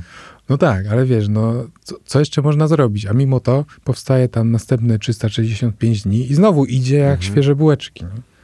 No, to, to prawda. I, i to bę- moim zdaniem to ma cały czas tak mocną pozycję, że to cały czas by szło, szło, szło. No na pewno, no. I, i nie, jakby to jest tak jak taka plaga. Wyrwiesz jedno, to pojawią się cztery, wyrwiesz cztery, pojawi się dziesięć i to tak naprawdę każdy film tego typu się sprzedaje. Tylko może to na tej zasadzie, że to są pragnienia, których sami nie możemy spełnić. Nie wiem, wiesz, trudno mi powiedzieć. Wydaje mi się, że to chodzi o tę sferę tabu. Mimo tego, że już, że już ją oswoiliśmy Mhm. I przecież naprawdę już są produkcje i serialowe, i telewizyjne od wielu, wielu lat, że tam pokazuje się rzeczy, Mhm. których się wcześniej nie pokazywało, no to dalej jest to w jakimś sensie tabu i to, to tak przyciąga Mhm. ludzi. No. A ty lubisz sam siebie? Jak wstaję rano i patrzę na, na swoją mordę w lustrze, Mhm. nie za bardzo. Serio? Nie no, wiesz, mam takie zdrowe podejście do siebie, wydaje mi się. Zresztą nie zastanawiam się nad tym, czy się lubię, czy się nie lubię. No wiesz, jesteś artystą, to powinien się dużo zastanawiać, no co... No może, może więcej. No, to powstanie wtedy jeszcze więcej książek. No. Ty daj ludziom, daj ludziom przeczytać jedną. A tak rocznie dużo czytasz? No, dosyć dużo, bo to wiesz, to jest moje życie tak naprawdę. Mhm. Ja obcuję z literaturą mm, przez 365 dni w roku. Mhm. Czy to aktywnie pisząc, czy to biernie przyjmując historię. No bez tego w ogóle nie umiem żyć. Także nie wiem, tak nie liczę, trudno mi powiedzieć. Musiałem zajrzeć na Lubimy Czytać i zobaczyć, ile tam w tej biblioteczce się nagromadziło pozycji. Ale to jest tam, nie wiem, 60 książek rocznie, czy więcej? Nie wiem, trudno mi powiedzieć, bo, Okej. na, bo naprawdę nie liczę. Czasem czytam jedną książkę trzy dni, czasem czytam dwa tygodnie, czasem tydzień. Różnie bywa. A proporcja dobrych książek do słabych w Polsce jest zdecydowanie na którą korzyść? No, na korzyść złych. Niestety to, to, to muszę powiedzieć, że. A to nie tylko w Polsce i na Mhm. świecie. Ale wiesz, to wynika z tego, że tych książek po prostu wydaje się naprawdę No całe bo wydanie mnóstwo. książki jest tanie. Tak. Tak, To- no, to znacznie jakby- tańsze niż, wiesz, wyprodukowanie tego jako film czy serial tej Mhm. historii. To tak A naprawdę, filmy też się zdarzają słabe. no jasne. E, no dużo jest, no jak, jeżeli chcesz mówić o samej Polsce, no to jest często tak, że po prostu otwieram jakąś książkę debiutanta, czy, czy osoby, która już ileś ich wydała i po pierwszym zdaniu widzę, że po prostu miała to pisanie w dupie. Znaczy ch- chciała napisać książkę, owszem, czy może nie pisanie, ale samą historię miała w dupie. Mhm. I, I to widać, to przebija, wiesz, między wersami, da się wyczuć tę sztuczność, to konstruowanie rzeczy tak, żeby w sposób taki dosyć wyrachowany, bym Mhm. powiedział, czyli żeby to się dobrze czytało, żeby tam... Serio tak ludzie, tak ludzie to jakby wydaje mi się, że ciężko. Ja, ja nie potrafiłbym udawać. O, może No tak. nie, no dużo, dużo jest właśnie takich, że, że biorę i, i widzę, że to jest udawane, że to nie jest jakaś organiczna opowieść, która, wiesz, no dobijała się, po prostu musiałeś ją napisać, i bo byś eksplodował, tylko taka, że ktoś usiadł i zaczął tam sobie projektować, jak to, ma, jak to ma wyglądać, ile ma być procent seksu, ile procent zwrotów akcji i innych rzeczy, nie? Straszne. No, no, ale niestety często tak bywa. No a druga rzecz, no to niestety jeśli chodzi o rynek polski, ale tu pod tym kątem wydań zagranicznych, Mhm. e, to jest język. Ja w większości tych tłumaczeń naszych polskich nie mogę czytać. Są po prostu tak źle przetłumaczone, tak ohydnym językiem, Mhm. że, że to z trudem. No, biorę jakąś książkę, na przykład, nie wiem, Kinga czy Cobena, dajmy Mhm. na to. E, Coben jest takim do, dosyć dobrym przykładem, chociaż King też. Oni starają się trochę, wiesz, y, y, inkorporować w ten swój warsztat to, o czym mówiliśmy, czyli ten zmieniający się język. Mhm. I często udaje im się rzeczywiście trochę go tak y, podrasować w tym sensie nowoczesności. Mhm. I kiedy to trafia do polskiego tłumacza, on to wszystko przerabia w taki sposób, że ja się czuję, jakbym czytał książkę z lat 90. na przykład. Okej. To jest po prostu jeden wielki literacki cringe. I nie jestem w stanie tego przejść. To, to jest, I ty mówisz o tym naprawdę często. To jest e, dla mnie bardzo, bardzo ciekawe, bo jakby ja zawsze czytałem książki już tłumaczone, nigdy Mhm. nie, nie brałem ich w oryginalnym, w oryginalnym języku. E, to, to, na czym polega ten problem? Że to chodzi o to, że ludzie, którzy znają język i prze, przekładają te książki, nie rozumieją pisarza, czy, czy, czy gdzie widzisz jakby problem w tym wszystkim? No, może czasem jest tak, jak mówisz, ale to chyba bardziej w tej literaturze wysokiej. Mhm. Że tam rzeczywiście może jest jakieś nie, nie, niezrozumienie, ale i tak poziom takiego tłumaczenia jest, y, jest super, bo do literatury pięknej zatrudnia się takich ludzi, którzy się znają na rzeczy. No, Mhm. Na przykład Michał Kłobukowski, no, niesamowite tłumaczenia. To po prostu ten, ten facet robi rzeczy tak niesamowite, że czasem lepsze niż oryginał nawet. Mhm. E, ale jeśli chodzi o literaturę popularną, no to, to jest problem prozaiczny, czyli kasa. Okej. Są takie wydawnictwa, które wydają e, znanych skandynawskich pisarzy kryminalnych.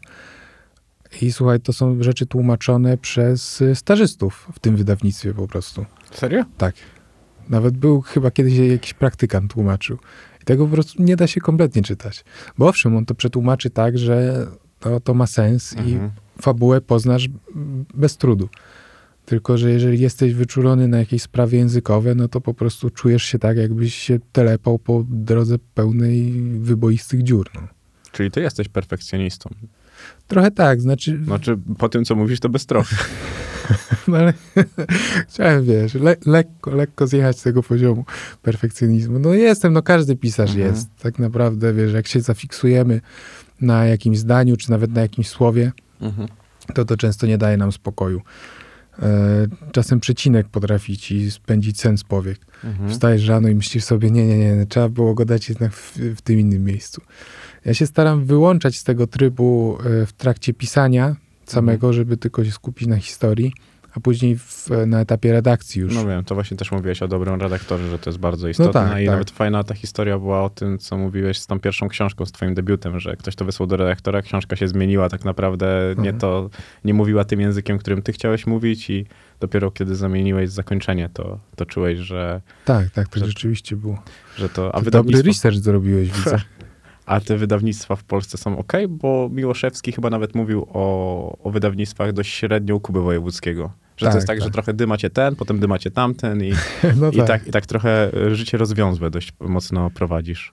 Tak, no Zygmunt zawsze miał tak, taką, e, taki stosunek lekkiej rezerwy Stosunek do dymania. wydawcy. Nie, no rzeczywiście podchodził do tego zawsze na chłodno dosyć. E, I on przecież nawet kiedyś była taka afera parę lat temu, że on napuścił audytora na swojego wydawcę. Tak, tak. No i dobrze, ale wszyscy byliśmy mu tak wdzięczni. Stary, dzięki wielkie, że wziąłeś to na siebie. Po prostu całe gówno spadło na ciebie, bo teraz wszyscy się boją, nie? Mhm. E, No, więc on zawsze był uważny, e, ale też miał dobre stosunki. No przecież jego wydawcą był jego przyjaciel Marcin Meller. Mhm. Teraz jest e, ż- żona przyjaciela, czy- czyli Ania Dziewit-Meller. E, Także nie wiem, myślę, że nie ma żadnych tam jakichś negatywnych przeżyć związanych z WAB. Są różne wydawnictwa w Polsce i to Dużo wiesz, zależy, zależy na kogo trafisz, nie? E, Te nowsze, które powstają, to wydaje mi się, że reprezentują trochę inny poziom od tych niektórych starszych, Mhm. które już tak się zasiedziały na rynku, że po prostu no, stały się skostniałe. Tam są ci sami ludzie, którzy byli w trakcie transformacji ustrojowej, Mhm. Chcą wydawać takie same rzeczy jak wtedy, no a świat się zmienia i trzeba iść do przodu, nie? A jest taka zmiana w tym świecie, który idzie do przodu, która się tobie w ogóle nie podoba? Nie, właściwie to nie. Bo zastanawiało mnie, jak to ten, ten rynek książkowy chłonie zmiany, które, Mhm. które zachodzą, które zachodzą e, dookoła nas. I, I to, co powiedzieliśmy, że to, y, wydanie książki, no każdy może wydać książkę. Mhm. To, to wiesz, to nie jest jakieś, to nie są kosmiczne pieniądze, naprawdę. To napisanie książki w Polsce, to jeżeli chcesz to zrobić tanio, to zrobisz to. No bo to zawsze jest, wiesz, to masz kilka poziomów tego, tego wydawania, wydawania i zastanawiało mnie, czy ty kiedyś nie myślałeś o tym, żeby mieć swoje wydawnictwo? No, ja w ogóle kiedyś myślałem o tym, żeby e, być self-publisherem.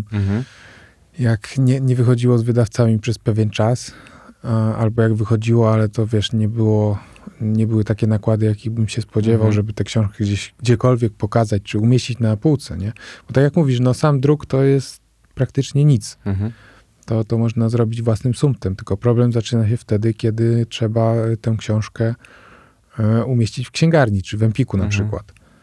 Tak, znaczy, ja, ja pamiętam, że napisałem maila, dostałem odpowiedź i było. A no właśnie, bo ty też publikowałeś sam, nie? No tak, ja cały czas to robię sam. No właśnie, ale Bo- jak, jak to w ogóle się stało, że Empik wszedł z tobą we współpracę? Nie mam pojęcia. No, napisałem do maila, znalazłem maila. Naprawdę, znalaz- bo mówię ci uczciwie, znalazłem maila na stronie, znalazłem dystrybutora do Empiku po prostu, bo oni nie są sami dystrybutorem, Mhm. tylko tam jest firma chyba Pol, Pol Perfect, z tego co pamiętam. Mhm. Napisałem do nich maila i finalnie też nie byłem jakimś tam mega dużym twórcą wtedy. To wiesz, były moje początki, to ja może Mhm. miałem z 10 tysięcy obserwujących na Instagramie, więc na pewno to nie, albo na Facebooku, więc to ich na pewno nie sugerowali się tym, że, mm, że to jest. Tylko no co, no warunki z Empikiem są tak, tak fatalne dla takiego, takiej osoby jak ja. No tak, to, to Mi się już ta umowa sprawa. skończyła, więc ja mogę śmiało powiedzieć, że miałem 55% prowizji, Aha. e, więc kosmiczną prowizję miałem e, na pewno na tym etapie. No i mi się to nie opłacało sprzedawać u nich. Wiesz też, e, jak ja tą wysyłałem pierwszą książkę swoją do jakichś różnych wydawnictw, to te wydawnictwa chciały mi, chciały mi to wydać, ale też oferowały mi taką kasę, że ja się zastanawiałem, że jeżeli książka kosztuje tam powiedzmy 40 zł, a ja mam za nią Mhm. dostać 4, to No gdzie tak, reszta tak. kasy? No wiesz, no to jest właśnie ten największy problem naszego rynku literackiego w Polsce. To jest to, ile procent właśnie autor na, na wejściu dostaje, nie? Mhm. I tu rzeczywiście, jeżeli słuchają nas ludzie, którzy zamierzają wejść w ten świat, to trzeba walczyć. To trzeba walczyć Mhm. dosyć ostro i negocjować, bo jeżeli już ktoś chce wydać twoją książkę, to naprawdę chce to zrobić. To Mhm. nie jest tak, że oni sobie badają grunt e, i sprawdzają, czy ktoś się zgodzi na 10%, to wydamy, Mhm. jak na 15% to nie, dziękujemy. Nie, nie, jak już dochodzi do negocjacji, to już trzeba iść twardo i przynajmniej o te paręnaście procent spróbować zawalczyć. Zdecydowanie paręnaście. Paręnaście, Naprawdę, bo, no. bo to... Mówię o, o samym początku, nie? Mhm. Ja w ogóle miałem taką sytuację w, w jednym z wydawnictw, że negocjowaliśmy te stawki i tam była taka sytuacja, że to był mail zbiorowy Mhm. i prezes tego wydawnictwa po prostu nie zauważył, że ja tam jestem dodany w tym mailu. Mhm. E, No i dostałem maila, którego on pisał do jakiejś swojej podwładnej, że e, moglibyśmy dać Mrozowi 18%, ale zgodzi się na 12%, tak więc 12%. No i ten mail dotarł do, do mnie. Czyli dostałeś 25. Wiesz, w momencie, kiedy to zobaczyłem, po prostu, o jak pięknie, dziękuję bardzo. Mm, wtedy wszystko cza- czarno na białym. Tak jest. Dlatego wiesz, bo to, to jest zastanawiające, bo myślę, że kiedy w Polsce sam masz możliwość, e, tak robi e, Radek, e, o którym rozmawialiśmy przed, przed Mhm. rozmową, no to widzisz, on wydaje te książki chyba bez sprzedaży zewnętrznej, tylko sprzedaż jest u nich. No i wtedy, tak, wtedy faktycznie zarabiasz na książkach. e, No tak, to Sprzedając mniejszą ilość, no bo wiadomo, jeżeli idziesz tam, tam chyba ty miałeś 3 miliony, e, z tego co tam gdzieś widziałem, sprzedanych egzemplarzy. No tak mniej więcej. No, no to wiesz, to jest już też ilość idzie za tym. E, ale kiedy sprzedajesz 10 tysięcy książek, no ja to sobie robiłem dziwną kalkulację, bo wiesz, Mhm. ja, zastan- ja pamiętam na tym, tym etapie, bo zakładałem, że dobra, tysiąc książek, małymi krokami. To tutaj to zarobić 40 tysięcy, tak teoretycznie już, e, wiesz, upraszczając to, a tutaj 4. No to gdzie tutaj się to wszystko No tak, tak wydarzyć? jest. No. no ale widzisz, Radek też y, idzie teraz w dystrybucję tradycyjną. Tak? Mhm. A to widzisz, to, to, nie, to nie wiedziałem, że idzie. No bo moim zdaniem tam są pieniądze do wyciągnięcia w tej dystrybucji tradycyjnej, bo bardzo dużo ludzi idzie kupić książkę na prezent nadal. I No, kupuje pewnie. książkę, bo znam tego gościa. Mhm. I, I wiesz, to tak jak u ciebie działa na zasadzie, ty masz taką mm, jakby popularność autorską, a tam jest dużo takiej popularności celebryckiej. I Tak, jak tak, on wydaje książkę Tomka Kamela, to ludzie raczej nie kupują ze względu na zawartość merytoryczną, tylko na to, że to jest Tomek Kamel, więc znają go, więc jak ktoś dostanie książkę Tomka Kamela, no to jest No. książka kogoś, kogo znają. no i to też o, rozmawialiśmy o tym przed nagraniem, że jak powiedzmy Radek idzie do jakichś mediów takich tradycyjnych, typu Mhm. pytanie na śniadanie z jakąś książką, no to to jest grupa odbiorców właśnie ta, która e, potrzebuje tej tradycyjnej dystrybucji najbardziej. Dokładnie. Bo oni raczej nie wejdą do internetu na jakąś tam stronę i nie, nie będą zamawiać. No nie, jeszcze jak on, jak ja z nim rozmawiałem, e, że jego wydawnictwo ma taką, a nie inną nazwę i jak ludzie to mieli No, przepisy. Altenberg, e, genialnie Tak, to sobie tak, wymyślili. Tak, no i potem mówię do niego, że ile czasu mu zajęło, że zrozumiał, że musi to skrócić, żeby ktoś to faktycznie, e, faktycznie kliknął, no bo to jest, wiesz, też, też, bo tutaj trzeba szukać prostych środków. No pewnie, oczywiście. A masz taką książkę, którą trochę, trochę trąci myszką z perspektywy czasu dla ciebie? Nie, chyba jeszcze za krótko piszę, żeby takie mieć. Może kiedyś rzeczywiście tak będzie. Ale wiesz, no są książki, z których jestem mniej lub bardziej zadowolony. No. Mhm. To taka, z której jesteś dumny? Najbardziej? Mhm. A nie wiem, trudno byłoby wybrać jedną. Bo to, No wiesz, to, właśnie, to, też to mają są, być trudne pytania. To też są różne aspekty tego Pytaliśmy o zadowolenia. seks, nie? narkotyki. No tak. Zaczęliśmy od narkotyków. No właśnie. To skończymy tutaj dosyć luźnym tematem. No, z różnych powodów jestem dumny z różnych książek. No, Mhm. na przykład tam, gdzie nie wiem, no, są jakieś wątki historyczne, to typu Parabellum, to cieszę się, że udało mi się oddać e, klimat międzywojennej Warszawy. No. Tam, gdzie są jakieś trudne tematy społeczne, to największą dumą mnie napeł- napełnia to, że ktoś wiesz, zmienił swoje życie dzięki Mhm. temu na przykład. To są takie rzeczy, które są najważniejsze. Okej. No bo to, to jest tak, że czerpiesz z każdej książki coś innego. Tak, no w każdej też, wiesz, no liczy się dla mnie co innego. No w Osiedlu Żniw byłem zadowolony z tego, że z tej stylizacji językowej, bo była Mhm. trochę inna niż w innych książkach. Stylizacja językowa to bardzo ładne określenie i też fajne, kiedy jest, jest inna. Jest barw, ja lubię barw, barwnych ludzi, którzy ładnie się wypowiadają. Aha. Ogólnie to się zatraca strasznie, nie wiem, czy zauważyłeś. No trochę tak, no bo trochę jesteśmy przy, przycinani do tego, co jest w mediach głównie. Mhm. No i też e, to takie, mm, wiesz, dużo angielskich słówek się nam wrzuca. No tak, to prawda, jest Ja nawet więcej. Słuchając podcastów, to myślę, wiesz, jakby jest taki śmietnik trochę językowy. Mhm. Ma, i ucz, jakby rozmawiając z kimś, ja to potem słyszę, to mówię, kurwa mać, Aha. jakie wiesz? No tak bywa. No ale co, co zrobisz? Nic nie zrobisz. Wiesz, każdemu się zdarza, szczególnie w formie podcastowej, e, to jest dosyć częste, dlatego że to jest taka naprawdę luźna rozmowa, Mhm. nie?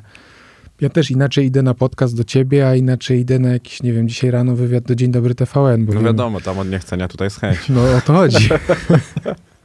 Ale wiesz, mam też od razu inne nastawienie językowe. No tutaj to, Mhm. jest, to jest tak naprawdę e, taka konwencja rozmowy ze znajomym bardziej, Mhm. nie? A tam to są typu, no, media, no. Mhm. To Więc prawda. tu też na, na wiele sobie pozwalam i na wiesz też sobie pozwalam. No tak, wiesz i co? Ja jak to słyszę, to mówię, kurwa mać, ale najczęściej to u siebie. I miałem taki moment, że mówię jakby. Aha, no tak, to, to, to, to też jest niezły chwast językowy. No niestety. I to próbuję to wypielić i czasami na kartce sobie zapisuję, nie mów kretynie jakby. Naprawdę. I to działa. To jak powiem ci, że jakby masz rację, no. No właśnie. Cały, cały w tym sens. A jeżeli chodzi o debiutantów, już zmierzając do, do brzegu tej rozmowy, to jest ktoś taki, kto pociąga ci literacko w Polsce? Daw, dawno nie sięgałem po żadne debiuty, więc y, trudno mi mówić. Bo ty też jeszcze mógłbyś być wiekowo debiutantem tak A, naprawdę. no pewnie, że mógłbym być. Jeszcze, wiesz, wszystko przede mną, jakiś pseudonim sobie walny nowy i Mhm. zaczynam od nowa, nie? No. E, No nie wiem, trudno mi powiedzieć, bo, bo nawet jak czytałem, to nie potrafię sobie przypomnieć nazwiska. Dostałem taką fajną książkę niedawno od mojego A redaktora. Tomek Żak? A no kojarzę, bo mnie zaczepia na mediach A społecznościowych. mnie też. I dostałem od niego książkę, obiecałem, że przeczytam w górach. Co zrobiłem? Nie przeczytałem. A mu, że zrobię. Ale to ta książka też widziałem, że chyba jest e, mocno w Empiku mm, grzana. No nie, A, nie, tytuł, 30, tytuł, aha, no. I- No, ale nie czytałem, no to nic ci na ten temat nie powiem. Okej, to, no to, a to musisz którego przeczytać i mi powiedzieć. Kogo ostatnio? Widzę, że na lubimy, nie, na tania książka 3,6 ocena, 17 ocen. Ale lubimy czytać, to wiesz, jest tak miarodajne jak... No wiem, tam moje książki są bardzo wysoko oceniane, więc bardzo dobrze A. miarodajne są tam. Proszę, proszę mnie dyskredytować tego. Nie, wiesz, wśród pisarzy się mówi, że im, im niższą ocenę masz na lubimy czytać, tym lepszą książkę Czekaj, mam chyba napisałeś. 1-0, teraz już tak patrzę. no nie, no bo tam bo to też jest tak, że tam jest wszystko, nie? No, różnie bywa, to naprawdę nie, nie sposób tam, wiesz, tyle ludzi ocenia, że na podstawie różnych kryteriów, Mhm. Że to naprawdę e, trudno tam wyciągnąć coś miarodajnego. Ja na przykład nie rozumiem w ogóle oceny jedna gwiazdka. No, jak musiałbym być bardzo wkurwiony na książkę, żeby dać jej jedną A ja gwiazdkę? myślę, że to, no nie wiem, to nie jesteś wkurwiony na książkę, tylko na autora często, bo A, no autor chyba, powiedział że na, na, na pudelku, ktoś przeczytał, że autor powiedział, że coś jest takie i mu się ten pogląd nie podoba i za to dajesz jedynkę. No tak, Rozwiałem no, chyba, twoje że chyba tak. wszystkie, wszystkie wątpliwości. To prawda. No. A co tam sądzisz o takiej instagramowej poezji? Bo tego też jest teraz. E, ja pamiętam, jak ja zaczynałem sobie Mhm. to pisać i nigdy nie myślałem o tym jako instagramowej poezji, co prawda, ale tego jest też mega dużo dzisiaj. No jest, jest. Nie, no to jest pozytywne zjawisko dla mnie. To jak, jak wszystko, co jakoś eksploatuje język w tej nowoczesnej przestrzeni publicznej, to jest zawsze na plus. Mhm. Kurwa, to, to mnie zaskoczyłeś, bo teraz myślę sobie, że Blanka Lipińska to jednak też plus.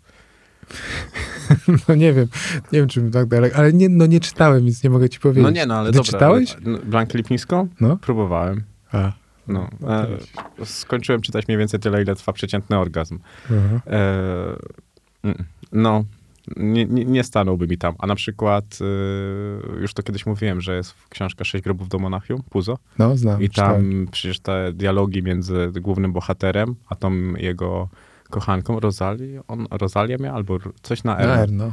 Na R, na pewno, to jestem przekonany. To powiem ci, że jak tam było, to czułem to napięcie w tej, tej książce. To jest zawsze, mówię, że to nie jest w ogóle, tam nie ma nic związanego jakby z erotyzmem samym w sobie, tylko ta książka, relacja między nimi jest tak dobrze napisana, że ja mam gęsią skórkę, jak to czytam. I czytam tą książkę No tak, raz. ale to jest puzo. To jest puzo, tak, to prawda.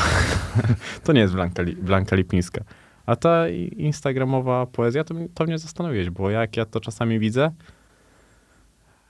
to mnie krew, znaczy może nie, że krew zalewa, bo to też nie, nie o to chodzi w tym wszystkim, tylko po prostu jest to dla mnie takie, wiesz... Znaczy czy- wiesz, no oczywiście zależy na co trafisz, nie? Mhm. No nie wiem, no ale jak czytam, wiesz, jakieś takie, bo tam jest dużo takiej motywacyjnej, nie? Że jak ona płacze, to weź ją przytul. A, no to nie, no to, to, to wiadomo, że, No, że, że tam- nie w tym rzecz, ale no są też jakieś rzeczy dobre, nie? Nie jest tak, że to, że to wszystko jest zbanalizowane. Mhm. No, niestety tam banał wygrywa, bo banał jest lajkowany.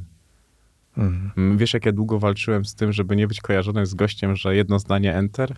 Naprawdę, bo ja, ja to zrobiłem tylko kiedyś na Instagramie przez to, że nie miałem, wiesz, pisałem sobie ten długi tekst, ten, ten list, Mhm. stwierdziłem, że puenta jest fajna, reszta do wyjebania. To wrzuciłem sobie tą puentę tylko, bo mi się ta puenta podobała. A patrzę, tam nagle, wiesz, rosną te, po- te polubienia, to wszystko. Mówię, o kurde. To No ale widzisz, no to jest jednak pozytywne zjawisko, no. No, Samo w sobie, no. jeżeli masz mózg, to no, to no nie, no to ja, wiesz, tak. cały czas zakładam, że mówimy o tych, którzy mają mózg, no. No, ale widzisz, To to jest jakaś forma wyrazu jednak, nie? Mhm. Która dociera w szybki sposób do dosyć dużej liczby ludzi też. To prawda. No i ja uważam, że ogólnie ludzie, którzy wyrażają siebie na... I póki nie robią tego dla popularności, bo wydaje mi się, że robienie tego dla popularności to jest... Niestety łatwo popaść w tą atencyjność. Nie Mhm. wyrażasz siebie, tylko wyrażasz myśli, które mogą być popularne.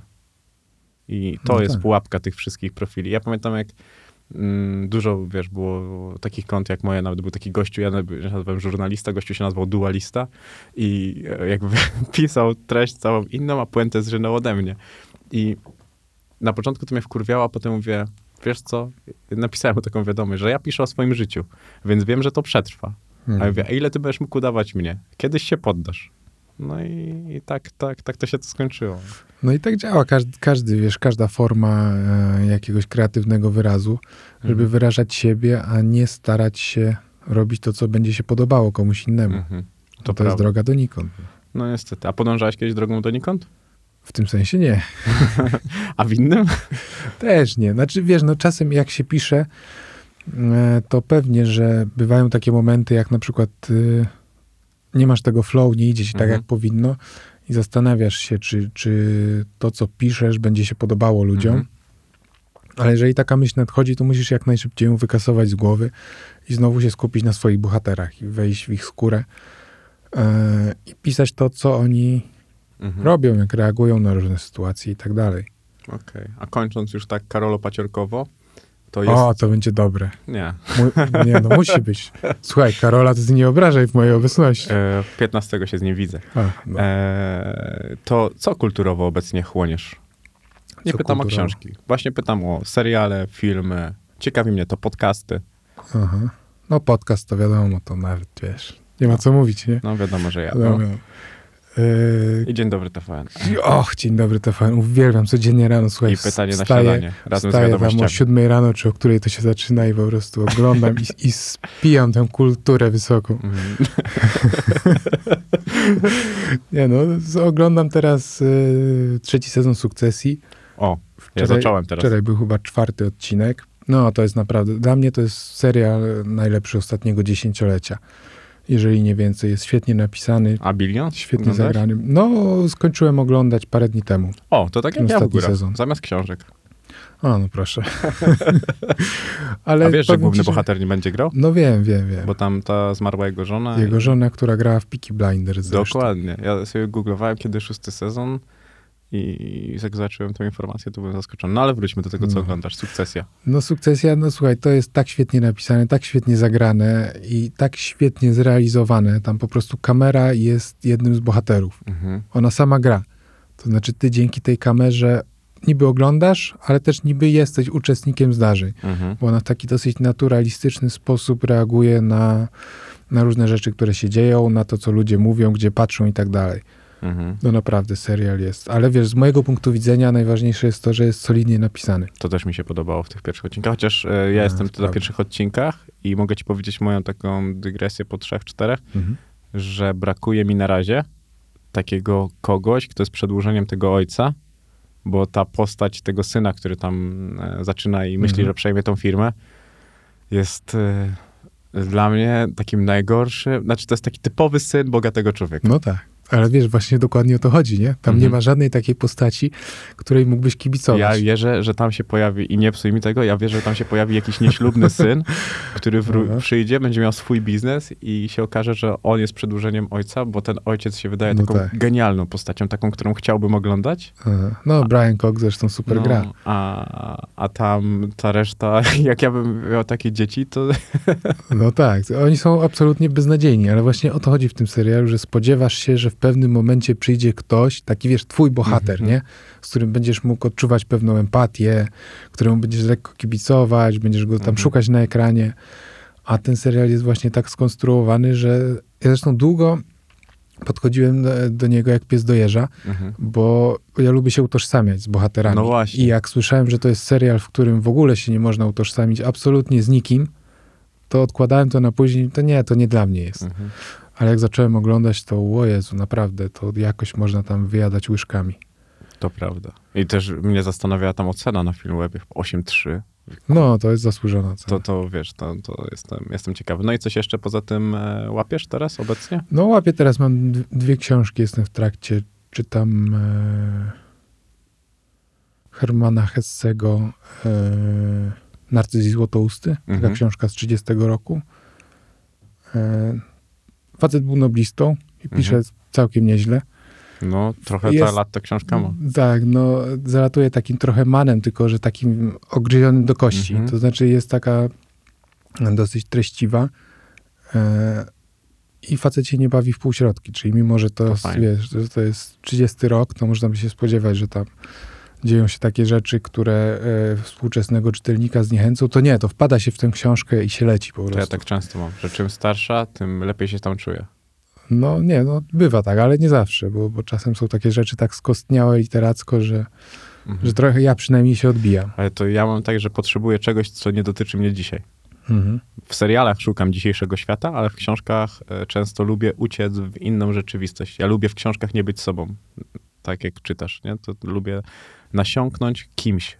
Ja myślę, kto to pisał Aha. i gdzie, czym był otoczony do, dookoła wtedy. To wydaje mi się, że... no, Ale to każdy ma jakby inną konsumpcję tego wszystkiego. No tak, ale łatwiej konsumować historię w taki właśnie sposób, e, w takiej to, totalnej imersji, o której Mhm. mówisz, w przypadku książek niż seriali, wydaje mi się. Zdecydowanie. Łat, łatwiej jest wpaść.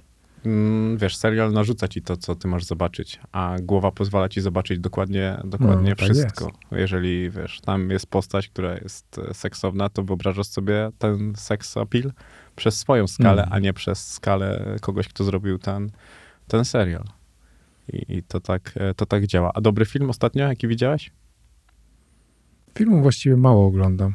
Ale znasz klasykę? Bo ja mam na przykład problem, mm, że ja mam... Nie, nie, klasyki właśnie nie, nie, nie za bardzo Wiesz, ja znam. nigdy nie widziałem Pulp Fiction. Ja też nie, wiesz?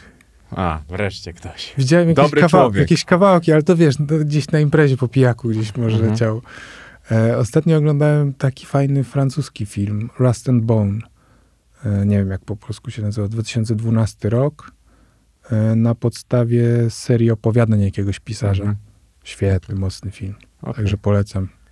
To Trudno go znaleźć wprawdzie, ale, ale może komuś się uda. Może komuś tak. Bardzo ci dziękuję za tą rozmowę. Dzięki wielkie. Godzina 20, nie ma żartów. Dzięki.